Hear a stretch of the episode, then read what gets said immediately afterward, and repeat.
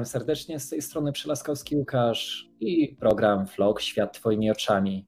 Dzisiejszym gościem będzie wrocławianka, absolwentka anglistyki Uniwersytetu Wrocławskiego i Uniwersytetu McGill w Montrealu, autorka powieści historycznych od 1981 roku, mieszka w Kanadzie, a jest nią pani Ewa Stachniak, pisarka z Kanady. Witam serdecznie pani Ewo. Bardzo mi miło, dziękuję bardzo za zaproszenie.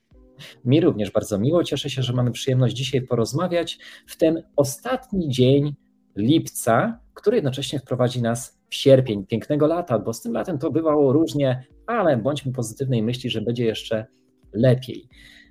Pani Ewo, wyjechała Pani w 1981 roku do Kanady na stypendium doktoranckie Uniwersytetu McGill w Montrealu. Jak zareagowała Pani na informację wprowadzenia stanu wojennego w Polsce w tamtym czasie? No, troszkę się oczekiwaliśmy w tym czasie, że stan wojenny może zostać wprowadzony, więc to nie było takim zupełnym zaskoczeniem, ale mimo wszystko mieliśmy nadzieję, że może to się nie zdarzy. Było bardzo przykre oczywiście e, i zmieniło nasze, moje plany zawodowe, moje plany rodzinne, osobiste. Z drugiej strony może też było mi oczywiście, najbardziej było mi przykro z powodu tego, że to nie był tylko stan wojenny, ale także było, zdarzyło się bardzo dużo, były aresztowania, były internowania, były, były protesty, które zostały dosyć brutalnie stłumione. Także te, wiadomo, poza tym była, było bardzo trudno wiadomości z Polski. To nie był czas, nie było, nie było internetu, nie było takich możliwości jak teraz, więc właściwie czekało się na gazety, czekało się na, na jakieś zdjęcia zdjęcia, które pokazywały czołgi na ulicach polskich miast, pokazywały, pokazywały protesty. Także to był taki smutny i, i przykry okres. To, że byliśmy poza Polską w tym czasie, to w jakimś sensie pomagało, a z drugiej strony przeszkadzało, bo nie można było się z rodziną skontaktować, nie można było się dowiedzieć, co się dzieje, nie, nie wiadomo było, czy można będzie wyjeżdżać nadal, czy będzie można wracać, w ogóle nic nie było wiadomo, także to bardzo przykry okres. Mm -hmm. Doktorat został poświęcony twórczości Stefana Temersona, polskiego pisarza piszącego w Londynie po angielsku. Oczywiście pani doktorat. No i pytanie, czemu o nim? Stefan Temerson był bardzo ciekawym pisarzem. Był pisarzem, który e, był pisarzem dwujęzycznym, to znaczy pisał zarówno po polsku i wydawał po polsku, jak i po angielsku co jest dosyć rzadkie według mnie, bo bardzo często można pisać w innym niż swój własny ojczysty język, to się zdarzało wielokrotnie, ale bardzo rzadko jest pisarz, który gotowy jest, być, e, gotowy jest pisać i jest w stanie pisać zarówno w dwóch językach i być równie kreatywnym, równie, równie dobrym pisarzem w każdym z nich. Temerson mnie zaintrygował, ponieważ um, pisał, o, pisał takie powiastki filozoficzne, E, pisał, był takim w jakimś sensie można powiedzieć oświeceniowym pisarzem, to znaczy takim, który pisał na tematy filozoficzne, przynależności, braku przynależności, co dzieje się z człowiekiem, który żyje w innej kulturze, czego się uczymy przez to, co tracimy, co zyskujemy, a to były tematy, które mnie zawsze bardzo interesowały, a już w momencie, kiedy wyjechałam do Kanady, to wydały mi się w ogóle najciekawszymi tematami. Także mm, to jest doktorat zaczęłam pisać jeszcze we Wrocławiu. Znaczy właściwie zaczęłam pisać, e, zaczęłam gromadzić materiały, zaczęłam przygotowywać się do tego. Jak znalazłam się e, na, na e, Uniwersytecie McGill w Montrealu, to kontynuowałam ten temat, bo wydawało mi się, że i zresztą udało mi się przekonać moich profesorów tam, że jest to temat bardzo uniwersalny, że, że jest to pisarz, który jest ciekawym przypadkiem człowieka, który zmienił kod kulturowy, zmienił kod językowy, a mimo tego funkcjonował w dwóch kulturach. I o tym mhm. pisałam, o tym funkcjonowaniu zarówno w polskiej kulturze, jak i w tej angielskiej. A tak się zapytam, co sądzi Pani o takich pisarzach jak na przykład Józef Konrad? On właściwie zmienił swoje prawdziwe jako Polak imię i nazwisko i używał tylko i wyłącznie później tego i tak został zapamiętany, rozpoznawalny. Pani na przykład używa cały czas swojego prawdziwego imienia i nazwiska jako Ewa Stachniak. Ja z kolei sam stwierdziłem, że spróbuję no, też użyć troszkę takiej odmiennej formy jako Lukas Frankenstein, czyli od miasta skąd pochodzę, e, Ząbkowic Śląskich, które do 1945 roku tak się nazywały. Jakie ma Pani przekonanie do stosowania takich technik, sposobów, właściwie, no właściwie, czy to można nazwać techniką, ale takiego, jedni to nazwą techniką sposobu podejścia jakby biznesowego, czyli spróbowania lepszego mienia odbioru ze strony społeczeństwa, które ma problemy na przykład z wysławianiem się, w tym przypadku nazwiska polskiego, a z drugiej strony też e, łatwiejszym pisaniem, bycia lepiej jakby zapamiętanym, odnotowanym. Co sądzi Pani o takich, takich, takich mm, no, zmianach, zmianach? Ja myślę, że mówimy o Konradzie. Konrad to były lata 20, znaczy to były lata początek XX wieku, więc myślę, że e, społeczeństwo angielskie miałoby większy problem z przyjęciem nazwiska Korzeniowskie. Korzeniowski jest trudnym e, e, nazwiskiem do wymówienia. On nie tyle zmienił nazwisko, ile po prostu on był Józef Konrad Korzeniowski, został Joseph Konrad, czyli zachował po prostu jego imię, jedno, znaczy dwa imiona były, jakby obciął sam, samą część nazwiska. Jest współczesna pisarka e, polska Wioletta e, Grzegorzewska, która funkcjonuje w Anglii jako Greg, po prostu też ma skrócone nazwisko. Trudno jest wymówić Grzegorzewska, to ży, czy, szczy, to są bardzo trudne, e, wydaje się, że to jest bardzo indywidualne podejście. Nie, jeżeli, kwestia, kwestia chyba jakiegoś osobistego poczucia, czy, czym się człowiek lepiej czuje. Mnie mhm. Kanada jest taka dosyć otwarta co do, co do trudnych nazwisk, więc ja nie, nie czułam takiego, takiej potrzeby, żeby zmieniać, um, czy skracać, czy upraszczać. Um, może, może mogłam to zrobić, może mogłabym to zrobić, ale nie, jakoś nie, do, nie szczerze mówiąc chyba do głowy mi nie przyszło, że, żeby mhm. to robić, że to jest jakikolwiek problem. A gdyby Pani na przykład miała takiego, takie zmiany dokonać, to, jak, jak, jakie to była, jaka byłaby to wtedy nazwa? Trudno powiedzieć, może, może, trudno mi powiedzieć na to, pytanie, ponieważ się nie zdecydowałam. Ale być może, że po prostu byłby to jakiś... Wielu ludzi pisze pod pseudonimem. Mhm. Więc to nie jest, jest to nic. To nie tylko pisarze, także, prawda? A ogólnie artyści często tak, takich pseudonimów używają. To jest bardzo naturalne, że można byłoby mieć taki pseudonim, ale z tym, że w języku angielskim, jak wydaje moje książki, to e, Ewa jest pisane przez V, nie przez W. Chociaż staram się wymawiać Ewa, a nie Iwa, chociaż mhm. też nie ma to dla mnie problemu, a dlatego tylko, że jak jest E i EWA, tak po polsku napisane, to naturalnie angielskojęzyczny y, czytelnik czyta Iła, a to jest tak daleko od mojego prawdziwego imienia, że wolę już być Iwa, bo przynajmniej to jest. A, a, a poza tym też pomyślałam sobie, że zarówno jak i imię i nazwisko razem jest trudne do, do, do zauważenia, to chociaż przynajmniej właśnie jak jest imię bardziej zanglicyzowane, to, to jest łatwiej. W latach 1971-1981 e, wykładowca na wrocławskiej anglistyce a od 1988 do 2008, a więc 20 lat, pracowała Pani jako wykładowca. E, tu nie chcę źle przekręcić tej nazwy, ale z Sheridan piszemy. Sheridan, Sheridan College, tak. Sheridan College. I potem jest o Oakville się pisze, a czytamy. Oakville. Oakville, Oakville Ontario. Toronto, tak. I więc jaka to była specjalizacja, temat prowadzonych zajęć, w tym przypadku już w Kanadzie. Więc ja e, w Sheridan College pracowałam rzeczywiście przez 20 lat i uczyłam różnych rzeczy, różnych kursów. E, uczyłam hmm. pisania.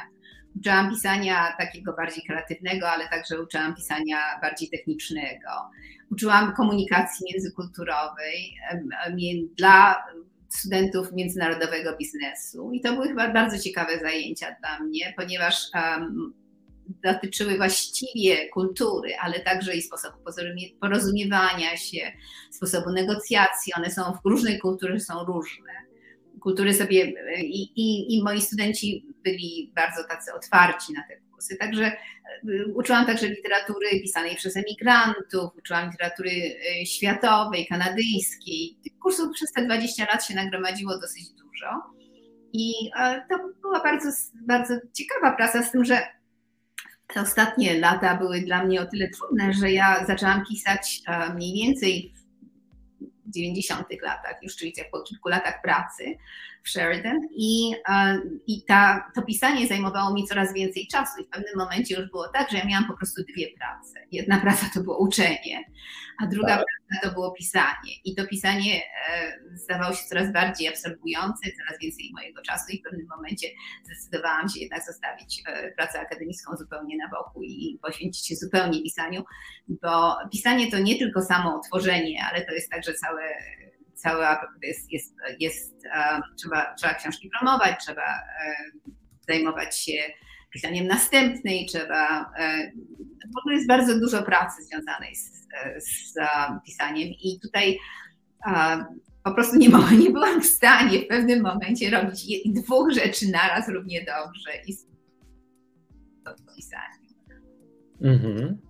Tak, to jest tutaj akurat taka strona nam się przed chwilą wyświetliła, którą widzieliśmy, związana oczywiście z Pani stroną i wszystkimi materiałami, które jeszcze raz za pewien czas udostępnimy, aby nasi e, widzowie, słuchacze przyszli, którzy będą nas słuchać także na podcastach dostępnych na e, Spotify, iTunes, a także na Google Podcast z linkami dostępnymi w pasku, który przesuwa się na dole oraz na e, stronie w opisach. Można znaleźć z przekierowaniem z linkami, gdzie serdecznie zapraszamy. E, w tym przypadku akurat mnie to interesuje też, dlatego pytam się, ponieważ jednak to jest duży przedział czasu, e, kiedy człowiek inwestuje swoje, e, swoją wiedzę, doświadczenie i przekazuje ją kolejnym pokoleniom. Tutaj widzę, że mamy pozdrowienia od jednego z naszych słuchaczy, czyli mojego taty w tym przypadku. Dobry wieczór, pozdrawiam, pozdrawiamy serdecznie z Pomorskiego. Mamy pozdrowienia z Polski ale też zaznaczę tak, że to, co teraz usłyszałem, to jest taki dzisiaj bardzo topowy, e, bardzo potrzebny e, kurs, e, który każdy chce i musi przejść, jeżeli chodzi o biznes, czyli prowadzenie, zarządzanie, działa, zarządzanie działalnością gospodarczą, zarządzanie sobą, zarządzanie innymi osobami. No już nie mówię o social mediach, które teraz bardziej jakby się rozwinęły, rozbudowały w oparciu o to, co było jeszcze x 20 lat temu, e, ale to jest jakby cały czas na topie, tylko uległo bardzo mocniejszej ewolucji.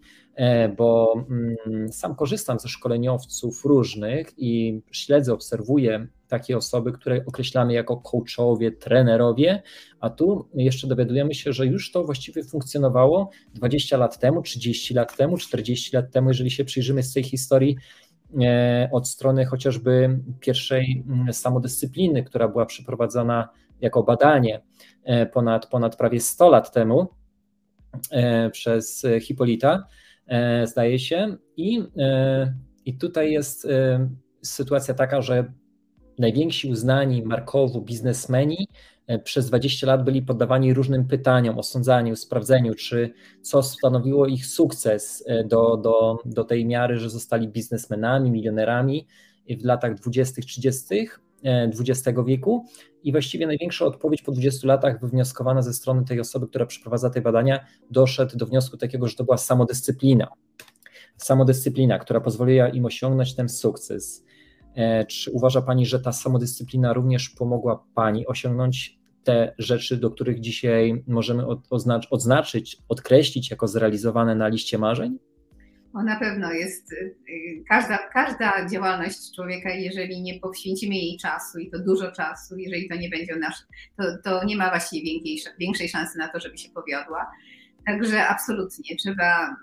Pisanie wymaga codziennej pracy. Ja piszę codziennie, pracuję kilka godzin, e, po, właściwie rano, najlepiej pracuje mi się rano nad nad właśnie nad książką nową, a, a po południu może zajmuje się innymi sprawami związanymi tym takcami, biznesowymi sprawami związanymi z pisaniem. Także myślę, że taka dyscyplina jest absolutnie ważna, szczególnie dla osób, które pracują tak jak pisarze, artyści, biznesmeni, którzy prowadzą swoje własne przedsiębiorstwa.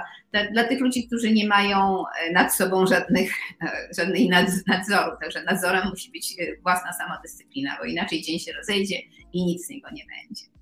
A ile godzin dziennie, tu słyszymy kilka godzin, poleca Pani początkującym pisarzom albo takim osobom, które chciałyby zostać zawodowo pisarzem, redaktorem, osobą może zajmującą się tylko i wyłącznie jakąś redakcją tekstów?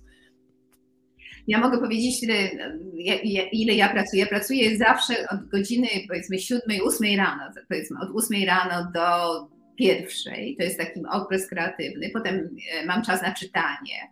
Znaczy, nie, chodzi o to, żeby, ta, żeby praca nad książką na przykład dała mi e, to, to jest jedna rzecz, to jest samo, samo pisanie, praca nad własnym tekstem, ale potem jest moment potrzebny, żeby wyjść spoza swojego, ten tekst i dowiedzieć się coś więcej, czyli na przykład robić research, zastanawiać się, czytać inne książki, żeby mieć pojęcie o tym, jak ludzie inni piszą, może coś, żeby, coś się dowiedzieć i potem, potem jest także zdecydowanie Następnym etapem to jest potem e, kontakt z innymi osobami, odpowiadanie na, na, na, na korespondencję, prowadzenie korespondencji, udzielanie wywiadów, praca e, nad, nad um, całą tą promocją pisania, która też jest ważna. Także w sumie to jest pełen dzień pracy, dzień w dzień.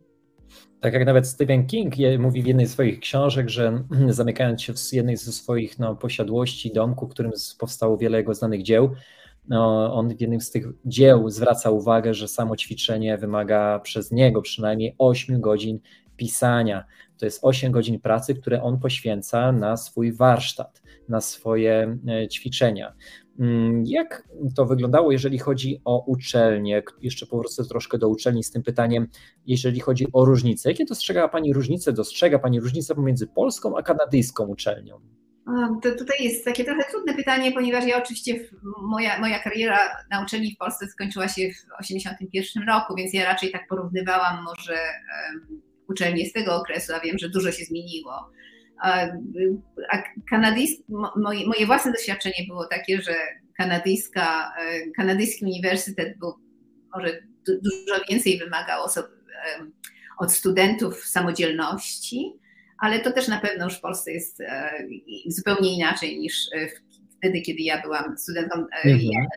tak, tak, ja się pytam wtedy, jak na tamte czasy, prawda? Mhm. Tak, oczywiście. Także ja na przykład, nie, jak studiowałam na anglistyce, to program anglistyki był ustalony z góry. Ja nie miałam specjalnie, mogłam wybrać, czy będę studiowała językoznawstwo czy literaturę, ale już wybrałam e, literaturę, to już wiadomo było, że taki kurs będzie e, w tym roku i nie, nie było wyboru. Natomiast, natomiast na McGill czy na innych uniwersytetach, czy w Sheridan College moi studenci mogli sobie wybierać kursy, więc mogli sobie dobierać swoje programy. Więc to była taka duża różnica. Poza tym chyba też była dosyć, dosyć mniej, dużo mniej tych zajęć prowadziło się przez wykłady tutaj w Kanadzie. I znowu jestem przekonana, że w Polsce nadal już, już to też się zmieniło, że, że jest bardziej, bardziej seminaryjny sposób prowadzenia zajęć niż, niż e, wykład jest tylko niewielką częścią zajęć. Jest, jest, e, jest praca w grupach, jest praca, jest praca poza. Także myślę, że, że, że to były takie, takie duże różnice, ale to też jak już, to ja już od 80, tak jak już Pan zauważył, od 2008 roku już nie uczę, więc mhm. Opowiadać o tym, jak jest e, aktualnie teraz. Więc przejdźmy w takim razie do tego pytania związanego z pierwszym debiutem, bowiem w 1994 roku e, to jest ten czas debiutu literackiego opowiadania Marble Heroes, czyli Marmurowi mm, Bohaterowie z Ontario, czyli wydanie, w Ontario. E, mi pierwsze skojarzenie przyszło z uznanym filmem człowieka, Człowiek z marmuru Andrzeja Wajdy. Należy doszukiwać się jakichś powiązań w tym wszystkim i czego wyrazem, jakich przeżyć, doświadczeń, obserwacji świata miała być ta książka?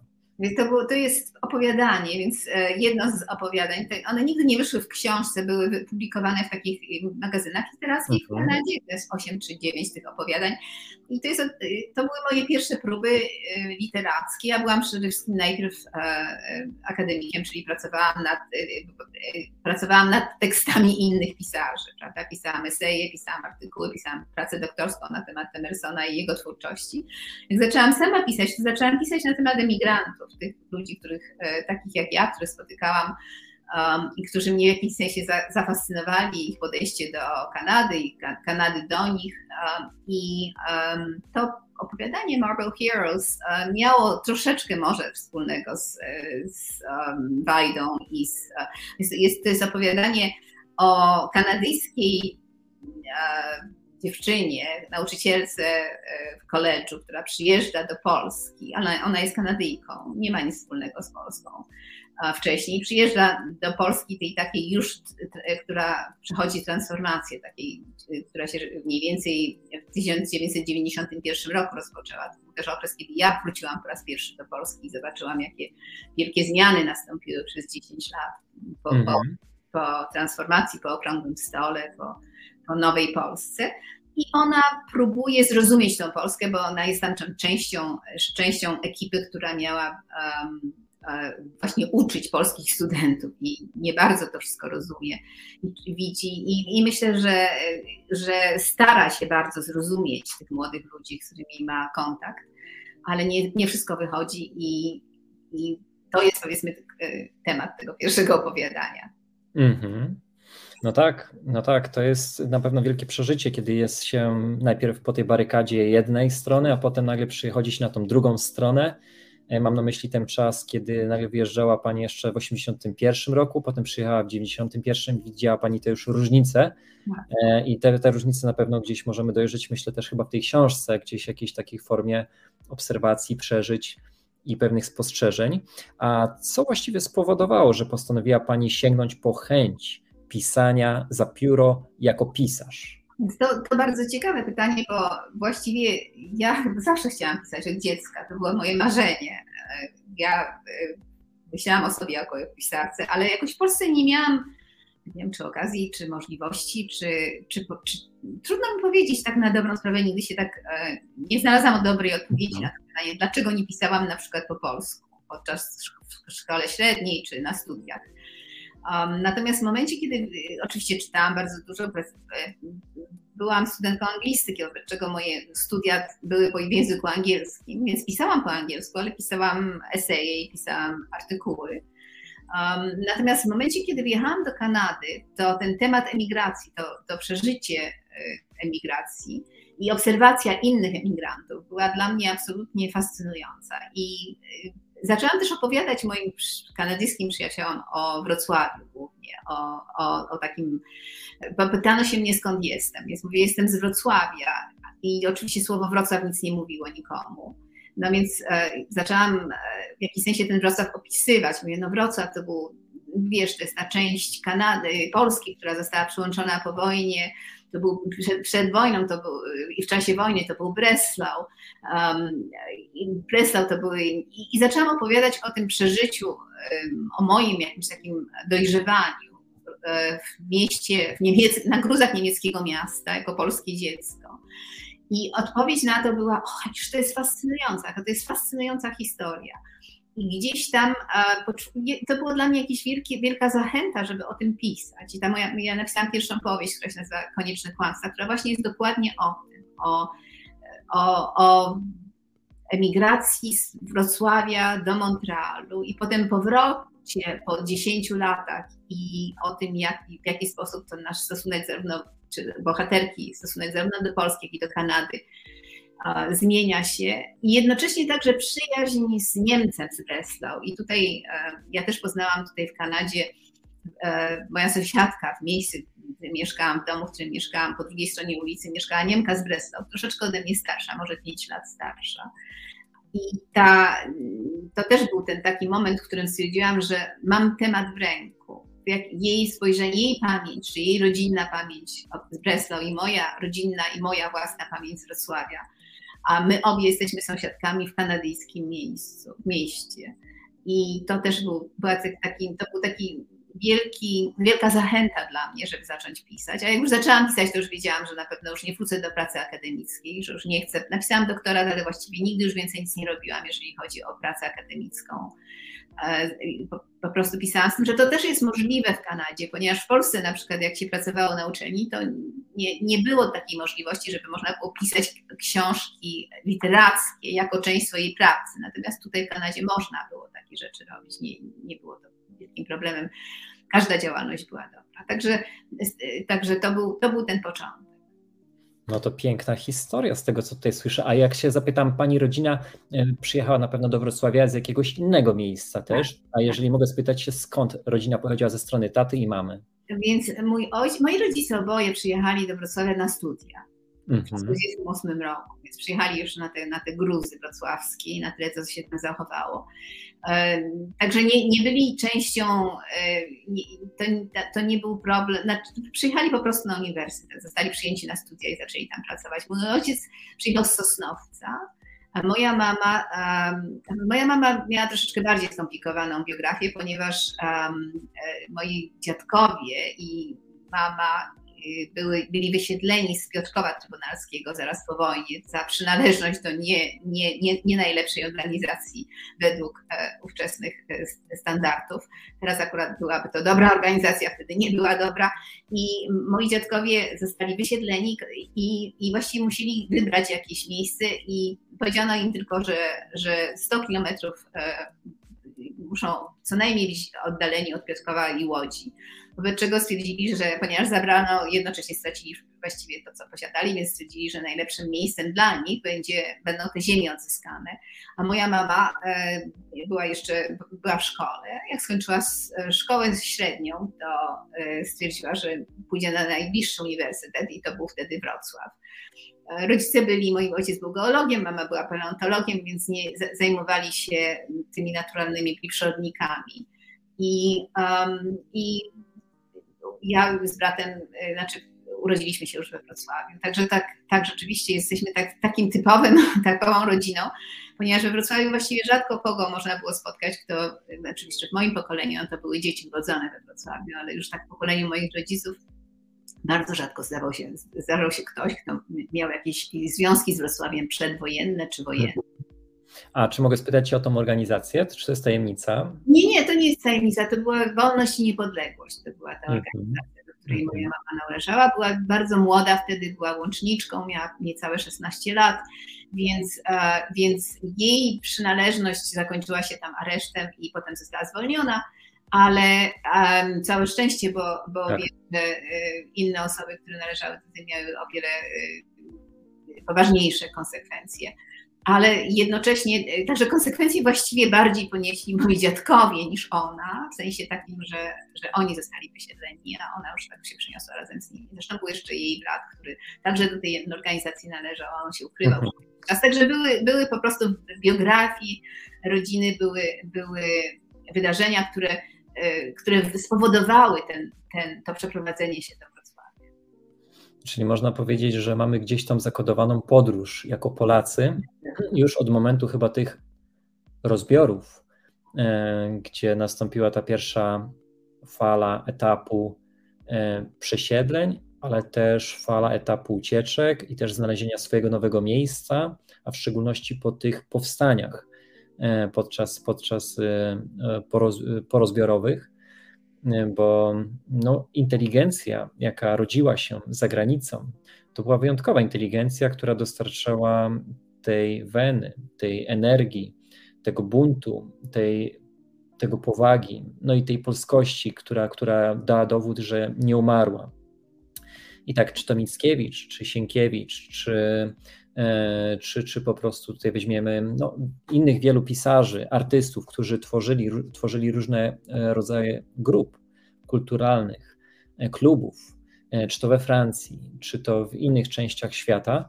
Mm, no, dzisiaj stowarzyszenia te istnieją już nawet ponad 100 lat, niektóre nawet w Stanach Zjednoczonych, jako organizacje, które polonijne pielęgnowały tą tradycję, historię, kulturę polską i pozwoliły jej przetrwać. I teraz nasi rodzice, dziadkowie, którzy też przywędrowali z różnych części Polski, przekazywali różne tradycje, historie. I jestem ciekaw, czy jakaś jest taka ciekawa tradycja, historia w Pani rodzinie, która pozostała, jest dalej pielęgnowana, e, na przykład ze strony jakiejś może legendy, opowieści, może jakiejś mm, pieśni, e, albo jakiejś na przykład pochodzenia szlacheckiego? Ja nie, nie, nie, nie mogę o tym specjalnie. Trudno mi powiedzieć, czy mam, czy, czy tak, takich wspomnień akurat nie mam. E, myślę, że moja, moje dzieciństwo było bardzo dobrym dzieciństwem, bardzo ciekawym, ale też dlatego, że rodzice byli bardzo, bardzo kochali przyrodę i naturę. I moje opowieści to są opowieści o zmianach e, ziemi, o skałach, o pięknej dolnośląskiej e, przyrodzie, o tym, że należy żyć w e, zgodzie ze środowiskiem. Byli moja, moja mama dużo wcześniej niż kiedykolwiek ktokolwiek mówił o tym, żeby środowisko chronić.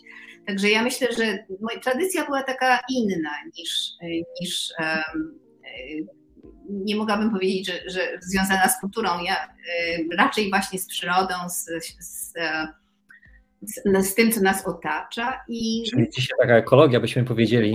Trochę tacy, tro, na, pewno, na pewno gdyby mogli, to by dołączyli chyba do Greenpeace albo do jakiejś no, takiej organizacji. Ja, ja, Może stworzyli takie organizacje. Tak, w każdym razie to było, to było, to jest taki przekaz, który ja, ja dzisiaj, jak ile razy słyszę, znaczy widzę, jakie jakie mam problemy ze, ze środowiskiem, to zawsze przypominam się słowa mojej mamy, że że trzeba to wszystko szanować, że trzeba szanować przyrodę, że trzeba szanować życie innych istot, że jesteśmy odpowiedzialni za to. I myślę, że to jest taka tradycja z mojej, mojej, mojej rodziny, bardziej niż jakakolwiek inna. Ale to jest piękna tradycja. Szanuj matkę, ziemię, która daje tobie wszystko to, co ty potem możesz wykorzystać i przekazać kolejnym pokoleniom. Jestem bardzo za taką e, formą przekazywania wiedzy, bo przecież e, chociażby gdybyśmy popatrzyli się na przykład aborygenowie, aborygeni dokładnie w odmianie, mm, przekazują swoją tradycję w postaci opowieści na piasku, y, przy rysowaniu historii swojego ludu, swojego, y, swojej, swojej linii, e, a jednocześnie przy tym wszystkim śpiewają. E, czyli to jest bardzo piękna jakaś taka forma tradycji, która jest formą odsłonięcia i zapamiętania tego wszystkiego w pewnej formie przekazu, ale jak najbardziej to jest, jest e, no, do uznania, prawda? Tutaj, że bardzo, bardzo piękne i że w takiej formie rodzice do tego podchodzili już, będąc tak zaangażowani e, też ze swoimi tutaj e, wykształceniem. A proszę powiedzieć, bo od, 2000, od 2000, 2000 roku do dziś, a więc mm, do 2022 roku napisała Pani jeszcze siedem książek tłumaczonych na różne języki świata. Powieść Konieczne Kłamstwa otrzymała nagrodę Amazon Books in Canada First Novel Award 2000 za najlepszy debiut powieściowy roku, a Katarzyna Wielka Gra o władzę z 2012 roku została bestsellerem kanadyjskiego dziennika The Globe and Mail, niemieckiej kultury, niemieckiego Kultur e, Spiegel i Gazety Wyborczej. No, jakie to uczucie zostać docenionym i wyróżnionym przez takie ważne tutaj organizacje, przez takie ważne media. E, I jakie to jest do udźwignięcia też zadanie dla takiego pisarza? Zawsze mówi się o tym, że, że, że nasza, nasze osiągnięcia są tak dobre jak nasza ostatnia książka. To znaczy zawsze jest, jest poczucie, że każda, każda, każda książka, którą się pisze, bez względu na to, jak zostały przyjęte te poprzednie, to jest e, kolejne zadanie i ona właściwie decyduje o naszej pozycji. Także ja bardzo jestem oczywiście wdzięczna za to, że Kanada doceniła i konieczne kłamstwa i że, że Katarzyna Wielka była takim, e, tak dobrze sobie radziła w wielu krajach. Myślę o tym, że na pewno jest to potrzebne. Taki sukces jest w ogóle, przynajmniej w jakimś sensie jest potrzebny do tego, żeby zachęcić do pracy, bo tak jak już mówiłam, jak Pan też wspomina, pracujemy bardzo dużo, prawda, nad tym. To nie jest, to, to nie przychodzi łatwo, to są lata pracy i jak jest jak książka jest doceniona, to jest wielka przyjemność i poczucie takiej zachęty do tego, żeby do następnej także się przyłożyć, żeby, żeby nad nią pracować. No mam nadzieję, że dzięki temu też mam czytelników takich wiernych już, którzy, którzy mi towarzyszą od pierwszej książki, szczególnie w, i w Polsce, i w Kanadzie, i w wielu w innych krajach. I to też jest bardzo przyjemne, że ktoś czeka na moje książki, że, że czeka na każdą następną, że pyta się, a kiedy wyjdzie, a kiedy będzie następna. Ja, ja piszę co kilka lat, moje książki nie wychodzą tak strasznie bardzo często, ponieważ jednak wymagają mi zarówno bardzo dużo badań, są bardzo często, mają kontekst historyczny, który jest bardzo dokładnie, na którym długo pracuję, także to, to nie jestem w stanie ich pisać szybko. Zresztą może też też mi zależy na tym, też lubię czytać książki, które, które powstają powoli i sama moje powstają powoli, także mniej więcej 3-4 lata zajmuje mi praca nad każdą z tych powieści. Um, także y, przyjemnie jest wiedzieć, że ktoś na nie czeka, bo to jest bardzo dużo pracy i, i człowiek się zastanawia, po co pisze. Pisze po to, żeby trafić do kolejnych czytelników, a także, żeby, żeby mieć kontakt z tymi, którzy już na moje książki czekają. No właśnie, czytelnicy. Prowadzi Pani sama swoje strony i portale social media i czy Fani o tym wiedzą, kiedy otrzymują odpowiedzi na maile, pytania lub komentarze w social mediach? No chyba tak, ponieważ są osobiste, piszę o nich, podpisuję. Często tak, że mamy zastępców, którzy to czynią dla nas, ale to jest takie pytanie, bo nie zawsze to jest tak, że się dzieli, że to jest też w oryginale pisarz, który odpisuje. Ja myślę, że, że, że wiedzą. W każdym razie e, staram się zawsze odpowiadać. To nie jest jakieś tak szalenie e, trudne. E, nie, nie robię tego bez przerwy, prawda? To jest od czasu do czasu, czy, czy jednym słowem mam jakiś tam czas zarezerwowany na, na odpowiadanie na, na, na maile i na zapytania i prowadzę to dosyć konsekwentnie. Staram się od czasu do czasu, żeby były jednak jakieś ciekawe wpisy na Facebooku czy na Instagramie no i oczywiście jak przychodzi nowa książka, to na ten temat. Także teraz dużo jest na temat szkoły luster. Staram się pisać o tym, mhm. o, o czym ta książka jest, jakie jest, jaka jest recepcja książki. Staram się, żeby, żeby um, opowiedzieć o tym, jak pracowałam nad nią.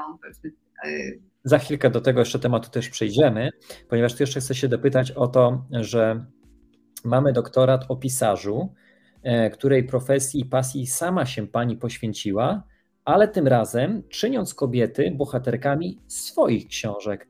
Czemu kobiety?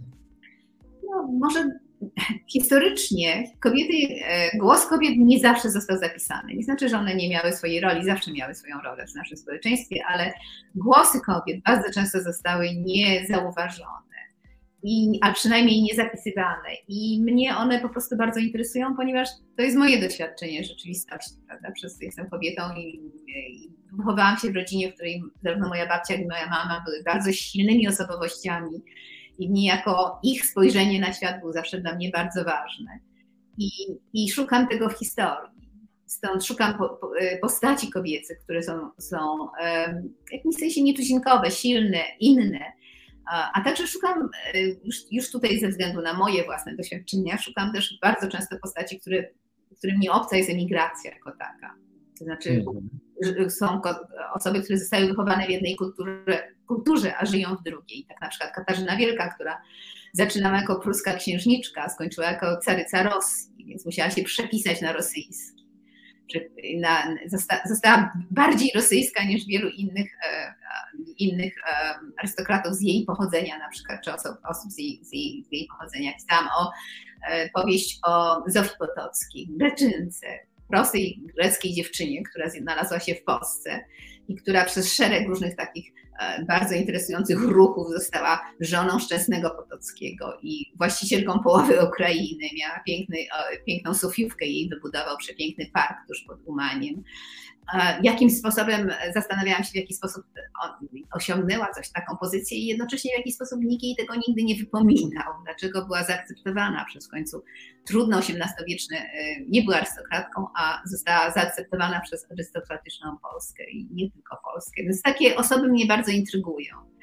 Um, intrygują mnie, tak jak um, o takich postaciach piszę, mówiłam o Katarzynie, mówiłam także, napisałam całą powieść o e, poświęconą e, Bronisławie Niżyńskiej, młodszej siostrze Wacława Niżyńskiego. Tutaj już już jest polska historia o tyle, że Niżyńscy byli urodzeni w Rosji, ale na tej właściwie tylko dlatego, że ich rodzice Polacy mieszkali pod zaborem rosyjskim, prawda, w tym czasie, więc natomiast w związku z tym kształcili się w Petersburgu w szkole baletowej, ale w domu y, y, mówili po polsku, znali polski, i, y, a potem ich cała artystyczna kariera odbywała się już na, na zachodzie, ponieważ w baletach rosyjskich tańczyli w, w, w, w Paryżu, w Londynie, Monte Carlo, w Rzymie.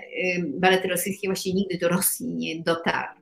Ten, ten balet, ten zespół baletowy nie dotarł. Także interesowały mnie silne, ciekawe postacie kobiece, które w jakimś sensie zawsze mają kontakt z tą zmianą kultury, zmianą kodu kulturowego i co z tego wynika. Tak, umiejętność też takiego y, zmiany płaszcza, takiego, z którego e, jest utkane nasze dotychczasowe życie, kultura, tradycje, obyczaje, na nowy płaszcz no na pewno nie jest łatwa dla takich osób, w szczególności kiedy to są wyzwania na dosyć bardzo wysokim poziomie, czy to ze strony carycy, czy to ze strony osoby od strony, prawda, tutaj przytoczonej potockiej, bo mm, jaka to jest, tak jak zauważona została tutaj, e, było hasło osobowość mocna, żeby umieć zapanować psychologicznie, ale też od strony takiej mentalnej osobowości duchowej nad tym wszystkim, że chce się i potrafi udowodnić, że tak można. Więc faktycznie to są bardzo dobre, wybrane postacie, które potrafią, myślę, umocnić, zmotywować, zainspirować inne kobiety, jeśli jeszcze nie czytały, to polecamy zakupić, zamówić te książki, żeby mogły zapoznać się z, lepiej z ich historiami, żeby mogły ich bardziej zmotywować, zainspirować do e, wartości w życiu, które czasami potrzebne są takie no, przykłady, wzorców, pomagając gdzieś e, uwierzyć w siebie samego. Tutaj troszkę też tak od strony biznesowej już tutaj zacząłem mówić, jak to e, też z kolei pewnie i pani stosowała w swoich wykładach, zajęciach wcześniej, pewnie pewne techniki, pewne się nie, chyba nie zmieniają, tylko ulega ich sposób, forma prezentacji i dotarcia, ale przechodząc do kolejnego pytania, tutaj mam e, zanotowane takie oto pytanie, bowiem e, wiemy już o tych e, książkach, które były wcześniej, a chcielibyśmy porozmawiać o tej najnowszej, czyli Szkoła Luster, która wydana została no, w tym obecnym 2022 roku, gdzie tytuł oryginału angielskiego nosi The School of Mirrors, czyli no i tutaj mam taki fragment, który chciałbym przeczytać, opisany pod, z tyłu książki. Co do samej e, promocji książki, mam ją przed sobą, przedstawię ją Państwu, jak wygląda okładka, bardzo piękna, z twardą oprawą. E, papier jest, e, bym powiedział, matowy, to nie jest papier kredowy, to nie jest papier śliski, a więc na pewno wygodnie jest przewracać strony, kiedy się przewraca, one nie uciekają. Kiedy jest papier mm, śliski, to często nam te strony uciekają, nie dają się zaginać, ale pod tym względem książka jest świetnie e, przygotowana, oprawiona, no i litery, cały nadruk jest bardzo wygodny w czytaniu jej, w e, odbiorze. Nie męczy się też wzrok. Często ten wzrok męczy się, kiedy jest kartka biała, charakterystyczna, śliska, czyli taka kredowa i e, odbija się od światła, jeżeli gdzieś podczas wakacji chcemy wypoczywać i to nas męczy, a w tym przypadku jest idealne, bo światło się tak tego nie odbija, strony zostają na tych, gdzie skończyliśmy czytać i możemy sobie przewracać. No i coś, co kochają miłośnicy e, książek, zapach tego papieru. Mało się mówi o tym, często powinno się o tym przypominać, że on jest charakterystyczny, jaki zawsze pozostanie w pamięci. Więc chciałoby się powiedzieć, że zaprasza do zasmakowania tej książki, ale żeby zagłębić się i dowiedzieć, to polecam teraz wysłuchać to, co przeczytam na zapowiedź tej książki jeszcze i te kontynuacji naszej rozmowy mamy z tyłu. Wersal, rok 1755. Królewskie rezydencje, widziane oczami 13-letniej Weronik, oszałamiają blichtrem. Jej życie zmieni się na zawsze, kiedy ta po raz pierwszy przejdzie przez słynną salę luster. Jak wiele innych nieświadomych dziewcząt przed nią, Weronik szybko orientuje się, że znalazła się w pałacu nie po to, żeby być służącą polskiego hrabiego ma zaspokoić fantazję wyjątkowo wpływowego mężczyzny. Ale nikt nie mówi jej, że stała się zabawką w rękach Ludwika XV. W świecie dworskich intryg prawda jest najpilniej strzeżoną tajemnicą. Kiedy Weronik przypadkiem ją poznaje, nie ma już dla niej odwrotu. Zadba o to sama Madame Pompadour. No i tutaj teraz ta historia z Madame Pompadour, bo mm, ta tak jak jest opisane, wielogłosowa, misternie utkana powieść, jest oparciem o pamiętnik Madame da du Hauset. Nie chciałbym przekręcić za bardzo w odczytaniu poprawnej e, tutaj nazwy, nazwiska, ale pokojówki Madame de Pompadour. Jak dotarła Pani do tych zapisek, do tych informacji, pamiętników? Jak trafiły do Pani, że to wpłynęło później na stworzenie tej oto powieści? Więc to jest e, e, XVIII-wieczne pamiętniki są dosyć łatwe. Y, y, może zacznę od tego, że w XVIII, XVIII wieku bardzo dużo ludzi pisało pamiętniki. To był taki y, sposób wyrażania się i notowania swoich wrażeń. Te pamiętniki są publikowane, tłumaczone na wiele języków, dostępne w internecie w, w starych wydaniach. Rzeczywiście pokojówka Madame de Pompadour napisała pamiętnik nie jesteśmy do końca przekonani, historycy nie są do końca przekonani, że on jest tak do końca autentyczny, ale dla mnie, do moich celów był bardzo ważny. I w tym e, pamiętniku znalazłam bardzo dużo interesujących plotek, historii, które nasunęły mi pomysł pójścia śladem tak, e, Parku Jeleni. Park Jeleni to był dom w mieście Wersal, w którym służący e, króla Ludwika XV, który pamiętamy jest jeżeli może ma, ma, ma to, to połączenie z polską historią, ponieważ żoną Ludwika XV jest królowa Maria Leszczyńska. W związku z tym um, mamy, mamy Polkę w Wersalu, ale ona nie jest, niestety nie ma wielu wpływów, a szczególnie nie ma politycznych wpływów. E, w tym czasie Madame de Pompadour rządzi bardziej sercem króla, jest, jego, jest, jest bliższa mu niż żona. Natomiast um, jednocześnie w Parku Jeleni służący e, królewscy trzymają, wychowują, ukrywają e, młode dziewczęta z niższych klas społecznych. To jest podkreślone ze względu na to, żeby one nie miały żadnych wpływów. E, znaczy, król ma kochanki także arystokratek, ale to jest zupełnie inna sprawa. I, i, ten, I ta historia mnie szalenie jakoś zburzyła i zaintrygowała, ale także wydawała mi się na tyle ciekawa, że tu mamy króla, który um, chce być, przebiera się w jakimś sensie, bierze, bierze ukrywa się pod płaszczykiem e, fałszywego, fałszywej e, tożsamości. Mówi, że jest polskim hrabią, ponieważ tak. ze względu na to, że żona jest, po, że, że jest polska królowa, więc można udawać, że przyjeżdża z Polski sobie polski hrabia od czasu do czasu i że może, może wtedy jako ten polski hrabia e, korzystać z takich przyjemności, jak, e, jak podsuwane mu te dziewczęta, w ogóle nie zastanawiając się, nie myśląc o tym, jaka jest cena, jaką te dziewczęta za to muszą płacić. I, ta, i, i sam pomysł e, napisania historii takiej dziewczyny i dziecka, które rodzi się z tego związku, było dla mnie samą inspiracją. Musiałam wymyśleć, to oczywiście te, te, zarówno postać Weroniki, jak i postać jej córki Marie-Louise to są fikcyjne postacie, ale oparte także na wielu pamiętnikach, które opisywały losy takich dziewczyn i takich dzieci. Wiadomo było, my bardzo dużo wiemy o tym Parku Jeleni i o tej całej procedurze. Wiemy o tym, że te dziewczyny były um, zmieniały się tam bardzo często. Wiele z nich po prostu przechodziło przez to bardzo szybko, a niektóre y, dłużej. I te, które były dłużej, miały pewne, y, bardzo często rodziły dzieci. Wiemy, że te dzieci były zabierane im przede wszystkim. One nigdy nie mogły tych dzieci mieć. Um, dzieci były zabierane, wychowywały je najpierw e, mamki, a potem były oddawane na wychowanie służącym na Wersalu. Więc wiedziałam, że ta moja Marie-Louise wychowała się w Pałacu Wersalskim wśród służących niejako ta książka jest odtworzeniem losu tych dwóch kobiet. Jednej z nich, to znaczy Weronik, która jest jakąś taką zabawką w ręku króla i która płaci bardzo wysoką cenę emocjonalną za tą bycie tą zabawką.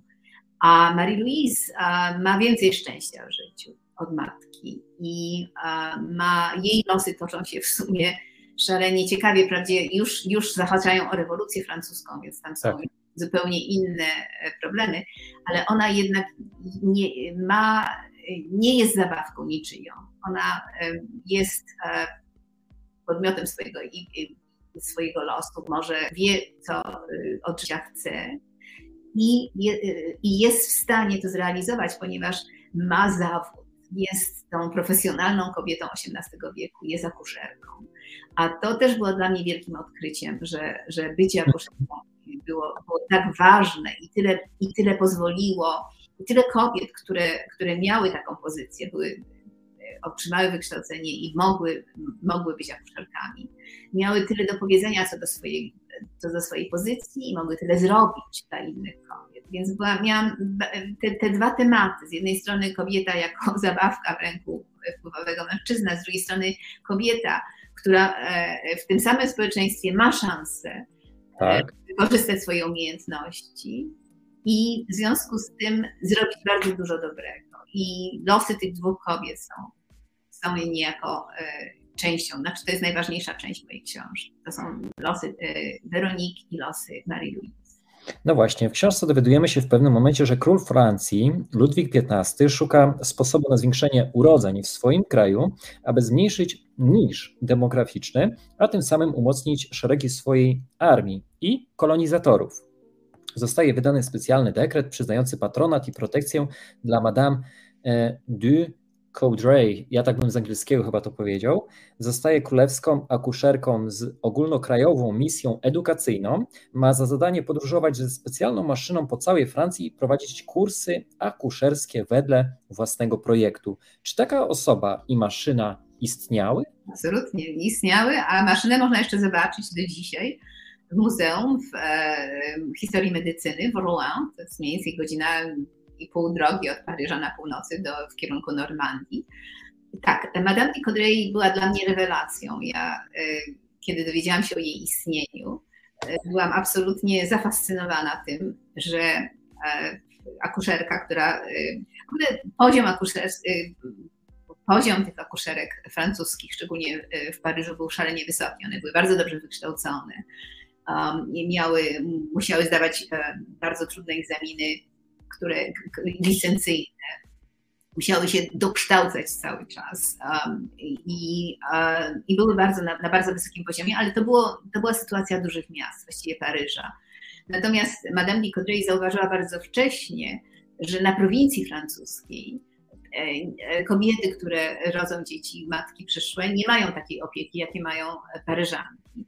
I ten pomysł zorganizowania tego kursu i pomysł tej maszyny, którą, którą ona mogła będzie, może wykorzystać po to, żeby te młode akuszerki, adeptki z małych miasteczek, ze wsi mogły się ćwiczyć na, na, tym, na tym manekinie, to był absolutnie jej pomysł. Także Ludwik XV, owszem, wyraził zgodę i sfinansował, ale pomysł wyszedł od Madame de ona sama się zgłosiła do Wersalu, sama poprosiła przez, przez swoje wpływy i także przez, e, o prezentację e, przed królem. Tej prezentacji dokonała, przekonała go, że jej praca, jej um, zmieni sytuację Francji, że zmieni sytuację kobiet francuskich i, i dzieci. I rzeczywiście ponad 20 lat jeździła um, po całej Francji z tymi kursami. Proszę sobie wyobrazić, jak to musiało wyglądać w XVIII wieku, kiedy podróżowało się e, dyliżansami, czyli e, czy, czy trzeba było mieć po prostu e, powóz i tymi powozami bardzo często złymi drogami. Ona jeździła do takich zapadłych miejsc, w których nigdy, nigdy nie dotarł. Organizowała grupę, może stu dziewcząt z okolicznych wsi, miała pieniądze od królewskie oczywiście na to, żeby zapłacić za, za, za to, żeby wynająć dom, żeby wynająć szkołę. I, i, i uczyła je akusz, sztuki akuszerskiej, a one y, ćwiczyły te wszystkie swoje możliwości właśnie na tym manekinie, który był tak skonstruowany, żeby można, ona, ona miała ona miała możliwość zmiany e, przebiegu porodu, zależnie od tego, co, czego chciała nauczyć. Czyli jeżeli to był poród pośladkowy, to ona mogła tak ułożyć to, e, to e, dziecko w tym, w tym manekinie, żeby, żeby jej uczennica nauczyła się odbierać poród, czy jeżeli chciała uczyć w jaki sposób odbierać poród bliźniąt, też mogła to zrobić. Jak na XVIII wiek, takie uczenie dla mnie było to absolutną rewelacją, że w XVIII wieku nauczycielka e, potrafiła, chciała, potrafiła, była w stanie zrobić, wymyśleć, e, zamówić, e, wykonać taki manekin i używać go do uczenia w tak cudowny sposób. Ponad 100 takich manekinów istniało w tym czasie, jeden się zachował. To jest właśnie ten w Muzeum Peruanu. Mhm. Państwa zapraszam, to tylko jest, bo to jest wielkie wrażenie stanąć tam przed tą mhm. gablotą i to sobie obejrzeć osobiście. A na mojej stronie są zdjęcia, także zapraszam też.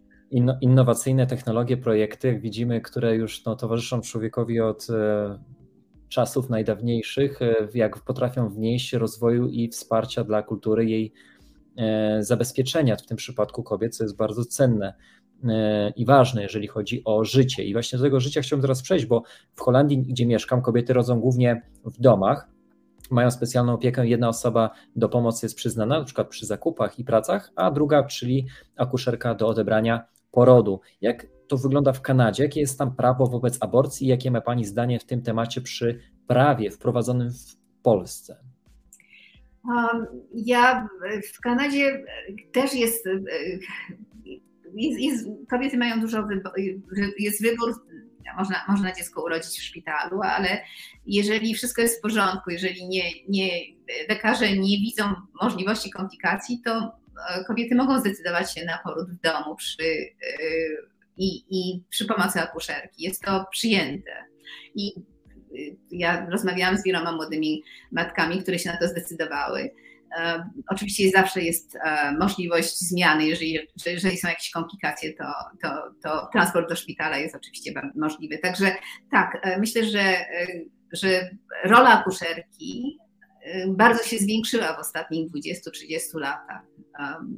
Szpitale nie są tylko jedynym miejscem, w którym kobieta może rodzić.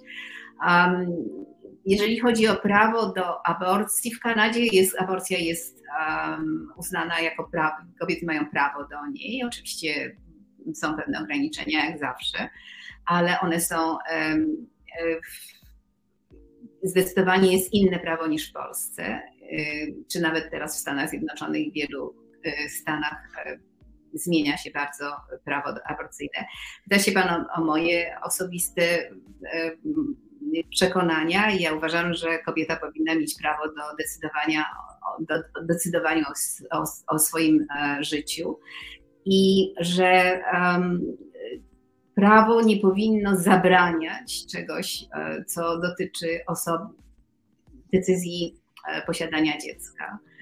Uważam, że najlepiej by było, gdyby nie istniały, nie, nie było ciąży niechcianej. Byłoby to najlepiej, czyli zapobieganie niechcianej ciąży jest najlepszym rozwiązanym dla mnie osobiście. Natomiast w momencie, kiedy to się nie udaje, to kobieta powinna według mnie mieć prawa, prawo do decyzji. Natomiast um, jednocześnie wydaje mi się, że społeczeństwo też powinno mieć obowiązek pomo pomocy. To znaczy, jeżeli kobieta chciałaby mieć dziecko, a nie może sobie na to pozwolić ze względów finansowych, czy dlatego, że nie ma oparcia, czy w rodzinie, czy to e, tutaj społeczeństwo całe powinno stanąć za nią. Jeżeli ona chce to dziecko urodzić, to powinna mieć, e, mieć poparcie i pomoc społeczeństwa. Tak, żeby to nie była decyzja bynajmniej ekonomiczna, tylko żeby rzeczywiście była, to, to była decyzja świadoma i niewymuszona na kobiecie, tylko dlatego, że nie może sobie na to dziecko pozwolić. Także to jest e, moje osobiste wrażenie, znaczy moja osobista decyzja. Mhm, bardzo cenię też tą wypowiedź, dziękuję bardzo. Jeszcze mam takie pytanie, bo książka ma wiele doskonałych detali odzwierciedlających epokę XVIII wieku i prawdziwe realia życia. Podczas tutaj można powiedzieć przykładu takiego z toczonymi różnymi wojnami, które gdzieś tam też się mają miejsce dookoła podczas e, tej całej akcji, która toczy się w Wersalu i w jego obrębie i w innych miejscach. E, mamy taki fragment, gdzie na straganie obok wdowa Gautier handlowała zdobyczami z pól bitewnych, kurtkami podziurawionymi bagneta, bagnetem, spodniami poplamionymi krwią i eksperymentami, zegarkami kieszonkowymi z rozbitym szkiełkiem. Wybranym klientom oferowała także wyrwane trupom zdrowe zęby. Dentyści wstawiali je później pacjentom, którzy stracili własne. I tutaj podczas toczonej, teraz przypatrzmy się w odbiciu jakby lustrzanym na dzisiaj, wojny na Ukrainie, widzimy oferty sprzedaży zdobycznych pojazdów bojowych, przedmiotów na aukcjach internetowych. Czy uważa Pani, że historia lubi zataczać koło? Myślę, że pole, pole bitewne zawsze od, w całej historii ludzkości e, dla jednych e, to, to jest e, dla wielu osób to jest okazja do tego, żeby zabrać, e, co się tam jeszcze może komuś przydać. A z kolei to jest pierwsza rzecz, więc, e, więc e, tutaj każda, każda wojna powoduje to, że ludzie szukają okazji. Z drugiej strony sytuacja medyczna w tym XVIII wieku, o której ja mówię, była taka, że nie, właściwie początki dopiero dentystyki możemy powiedzieć, y, że, że właściwie jedynym rozwiązaniem tego, jeżeli ktoś nie miał zębów, to jest wprawianie zębów wyrwanych czy y, zdobytych y, na skądś. Więc czasami to były zęby, które były oferowane przez, przez kogoś komuś, czyli ktoś się po prostu zgadzał na to, żeby sobie dać ząb wyrwać, po to, żeby ten ząb był wprawiony komuś innemu a inni dentyści po prostu kupowali, e, e, kupowali zęby z pól bitewnych, bo było to chyba jakimś takim największym źródłem. To są takie historyczne ciekawostki, które dla mnie są bardzo ważne, dlatego że jak ja jak piszę książkę, to wydaje mi się, że chciałabym, żeby mój czytelnik miał poczucie, że żyje w tym czasie, że żyje w tym XVIII wieku. Więc nagle, jak, jak do, dam taki szczegół, jak, jak, jak napiszę o tym, to od razu wiadomo, że wizyta u dentysty w XVIII wieku to nie jest to samo, co wizyta u dentysty w XXI wieku. Więc to jest drobny szczegół, a z drugiej strony od razu wybija czytelnika z, z poczucia, że jestem tym XXI-wiecznym, że, że żyję w XXI wieku i wobec czego pewne rzeczy są uznane. Nie one są uznane teraz, bo taka jest sytuacja, ale kilkaset lat temu sytuacja była inna i trzeba sobie tą rzeczywistość inaczej przedstawić. Także myślę, że to są dwie rzeczy, że, że dla pisarza, który, tak jak dla mnie, stworzenie tego świata z przeszłości, ja, je, ja go właśnie tworzę przez takie szczegóły, przez takie drobne y, szczegóły, które, które wyszukuję, które są prawdziwe, które znajduję w źródłach historycznych i które przedstawiam czytelnikowi po to, ażeby on mógł się wczuć w psychologię i czas e, moich bohaterów. A gdzie prowadziła Pani research do swoich badań? A to było kilka poziomów tego. Zaczynam zawsze od książek. Tak jak mówię, dużo czytam pamiętników z tego okresu. XVIII wiek jest e, pełen tych pamiętników. Czytam potem biografię. Czytałam biografię każdej z postaci historycznych, o których piszę, a tam jest i, i rewolucjoniści, i, i, królowie, bo jest tam Ludwiki XV i XVI, jest Madame de Pompadour, jest Maria Leszczyńska. Jest bardzo dużo historycznych postaci. Każda z nich to e, ich biografię czytałam bardzo dokładnie. E, czytam dużo artykułów historycznych, właśnie historię, e, czytałam historię Madame de Caudrier, tej akuszerki i jej wpływ na rozwój e, medycyny w Polsce i, przepraszam, we Francji.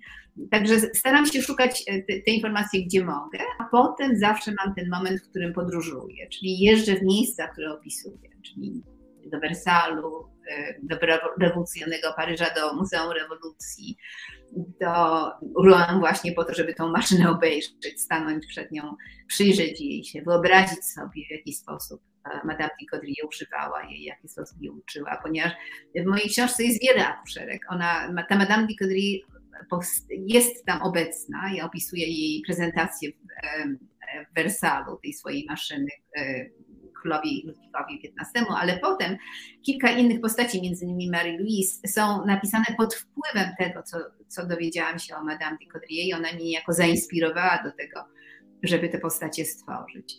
Także y, ta podróż była bardzo, te podróże są bardzo ważne, one mi dają kontekst fizyczny. Mogę sobie wyobrazić, e, skąd ta wiedza jest, jak ona wygląda. Um, I mogę sobie wyobrazić moje bohaterki w Paryżu rewolucyjnym, czy w Wersalu, czy w innych y, częściach Francji. Także to jest też bardzo ważne.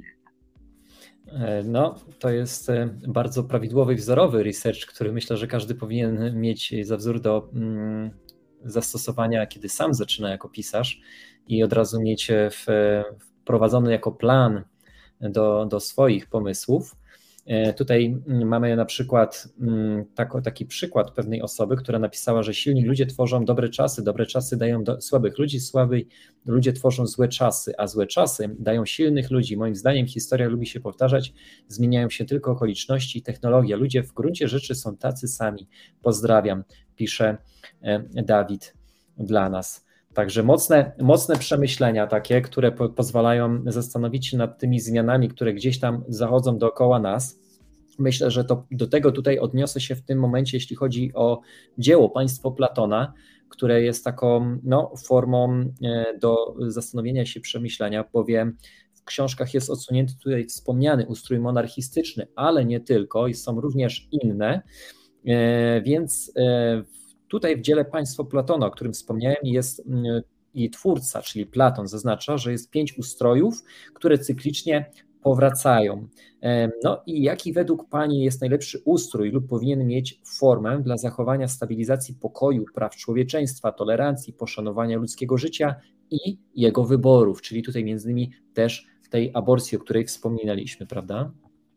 No, to takie pytanie jest bardzo dla mnie e, bardzo ogólne i myślę, że to jak, jak już mówiłam, e, rozmawialiśmy na temat tego, że są różne kultury prawda, na świecie. Ja uczyłam tej, tej komunikacji międzykulturalnej i wiem, że e, można mieć, że, że społeczeństwa mogą być bardziej kolektywne, bardziej indywidualistyczne, wobec czego myślę, że nie, nie byłabym w stanie narzucić nikomu jednego e, sposobu rządzenia. Myślę, że trzeba żyć z poszanowaniem praw drugiego człowieka a chyba w, e, system polityczny też zależy od tradycji historycznej, od tego, czy jest z jakiej kultury e, kraj, w jakiej kulturze, którzy ludzie się wychowują. Także myślę, że jest to takie pytanie, na które nie jestem w stanie odpowiedzieć e, definitywnie.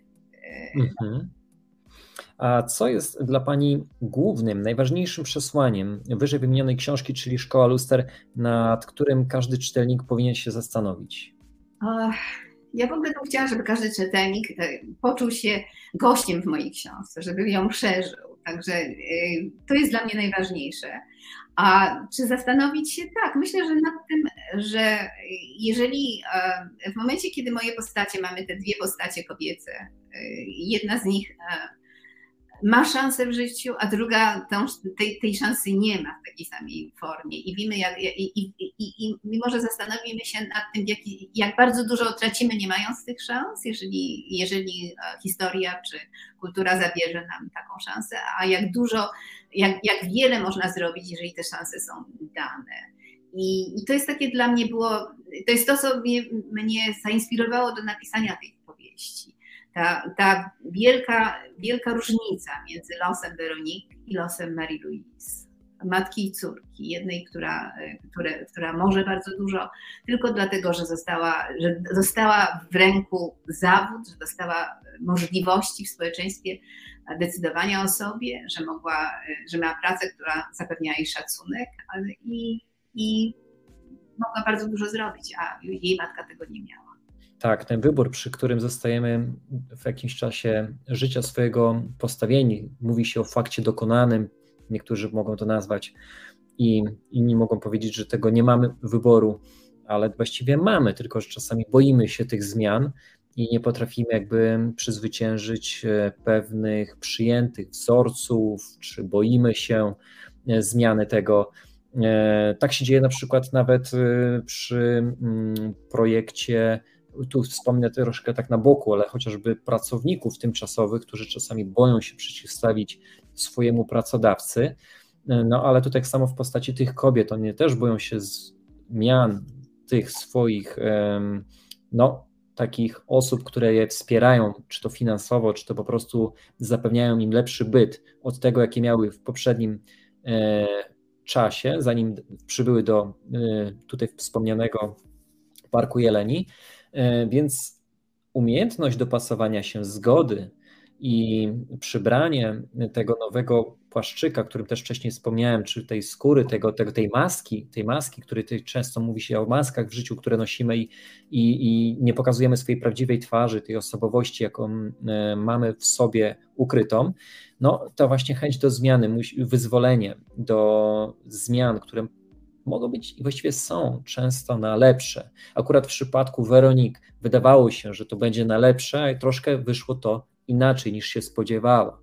Ale no, kiedy dziewczyna młoda, trzynastoletnia pojawia się w takim miejscu, jest na pewno osobą wystraszoną i trudno jest jej nie zgodzić, nie zgodzić się, zaprzeczyć, uciec wiążą się z tym jakieś psychologiczne, postawione bariery, konsekwencje, których właściwie może nie być, ale budowane są w naszych umysłach, w naszej osobowości, w naszej duszy. I często tak samo jest w życiu, że ci na przykład pracownicy tymczasowi, czy inne osoby, które gdzieś są postawieni w jakimś fakcie, wydawałoby się dokonanym, że nie mogą zmienić miejsca zamieszkania czy pracy, mogą, tylko muszą po prostu chcieć dowiedzieć się jak. I tak samo osoby, które gdzieś podejmują pracę, jakąkolwiek by nie była, mogą zmieniać te swoje miejsca, czy to zamieszkania, czy pracy, czy bycia tym, kim są obecnie, ale to wiąże się z dorastaniem i uświadomieniem sobie pewnych rzeczy, do których trzeba jeszcze dojrzeć, zrozumieć, e, a wraz z tym czytać, e, czytać książki, czyli takie, jaką jest chociażby tutaj e, Szkoła Luster, pani tutaj mojego gościa, czyli Ewa Stachniak, Dziękuję ślicznie dzisiaj, że miałem przyjemność z Panią porozmawiać, spotkać się i poznać Pani punkt postrzegania, patrzenia, ale też i historii, która wpłynęła na między innymi tą książkę, czyli Szkoła Luster. Ja jestem, jeszcze jestem ciekaw na koniec, czy może dowiemy się, czy powstaje już zarys opracowań nowej książki na koniec. To jeszcze za wcześnie, bardzo mi przykro, ale nie, nie lubię pisać. Nie lubię, 4 lata, 4 lata muszą minąć. To jest zawsze proces kilkuletni, także mam kilka pomysłów, ale jeszcze nie jestem gotowa na ten temat rozmawiać. Natomiast bardzo serdecznie zapraszam do przeczytania Szkoły Luster i, i może e, innych moich książek, tych, tych, które już wyszły wcześniej. Bardzo Panu dziękuję za rozmowę. Tak, ja zapraszam serdecznie na stronę internetową pani ewastachniak.com, gdzie znajdziemy wszystkie informacje o poprzednich książkach, newsy, wiadomości oraz oczywiście możliwość e, zamówienia czy wysłania zapytania, gdzie no, sama autorka nam odpowie na E, te e, pytania, więc nie będzie to tak zwany bot, robot, sztuczna inteligencja, które często gdzieś funkcjonują ostatnimi czasy częściej w internecie, ale zdecydowanie myślę, że warto wspierać pisarzy, odwiedzając ich strony i wysłać skromne swoje przemyślenia po przeczytaniu chociażby takiej książki jak Szkoła Luster, która jest naprawdę niesamowitą książką, podróżą. E, w pewnych wywiadach nawet czytałem, ktoś próbował podejść do tego tematu jakby no, z, z, z znanych tych historycznych powieści e, Płaszcza i Szpady, ale, ale tutaj, tutaj raczej myślę, że uniknę, uniknęła Pani tej tematyki takiej bardziej wojennej, w pewnych momentach przynajmniej, prawda, pokazując bardziej tą stronę człowieka, E, czyli tą naturę wewnętrzną. Ale to jest piękne, bo w ten sposób my też poznajemy siebie i widzimy w tym lustrze swoją twarz, jaką czasami próbujemy zasłonić tym życiem, tym, tą chwilą, która jest tak naprawdę ulotna i czasu nikt nie jest w stanie zatrzymać ani kupić, ale wybór zawsze mamy czas podjąć. I to jest ważne, żeby umieć mm, po przeczytaniu chociażby takiej książki, umieć dorosnąć, zrozumieć, że zawsze mamy ten czas na podjęcie wyboru i E, zmian na lepsze. Myślę, że zainspiruje, zmotywuje, pomoże wielu osobom e, ta książka. Ja serdecznie jeszcze raz dzisiaj dziękuję Pani za gościnę, za ten cudowny, wspaniały wywiad i mam nadzieję, że spotkamy się jeszcze przy kolejnych pozycjach ich promocji w niedługim czasie. Nawet jeśli będzie trzeba czekać 4 lata, to poczekam. E, a Państwa zapraszam w następną niedzielę o godzinie 19 na kolejny odcinek Świat Twoimi oczami. Dziś jeszcze wszystkim miłego wieczoru i dużo zdrowia i uśmiechu, radości w ten wakacyjny czas nadchodzącego już od jutra, no, sierpnia. Dziękuję bardzo, do widzenia. Dziękuję ślicznie.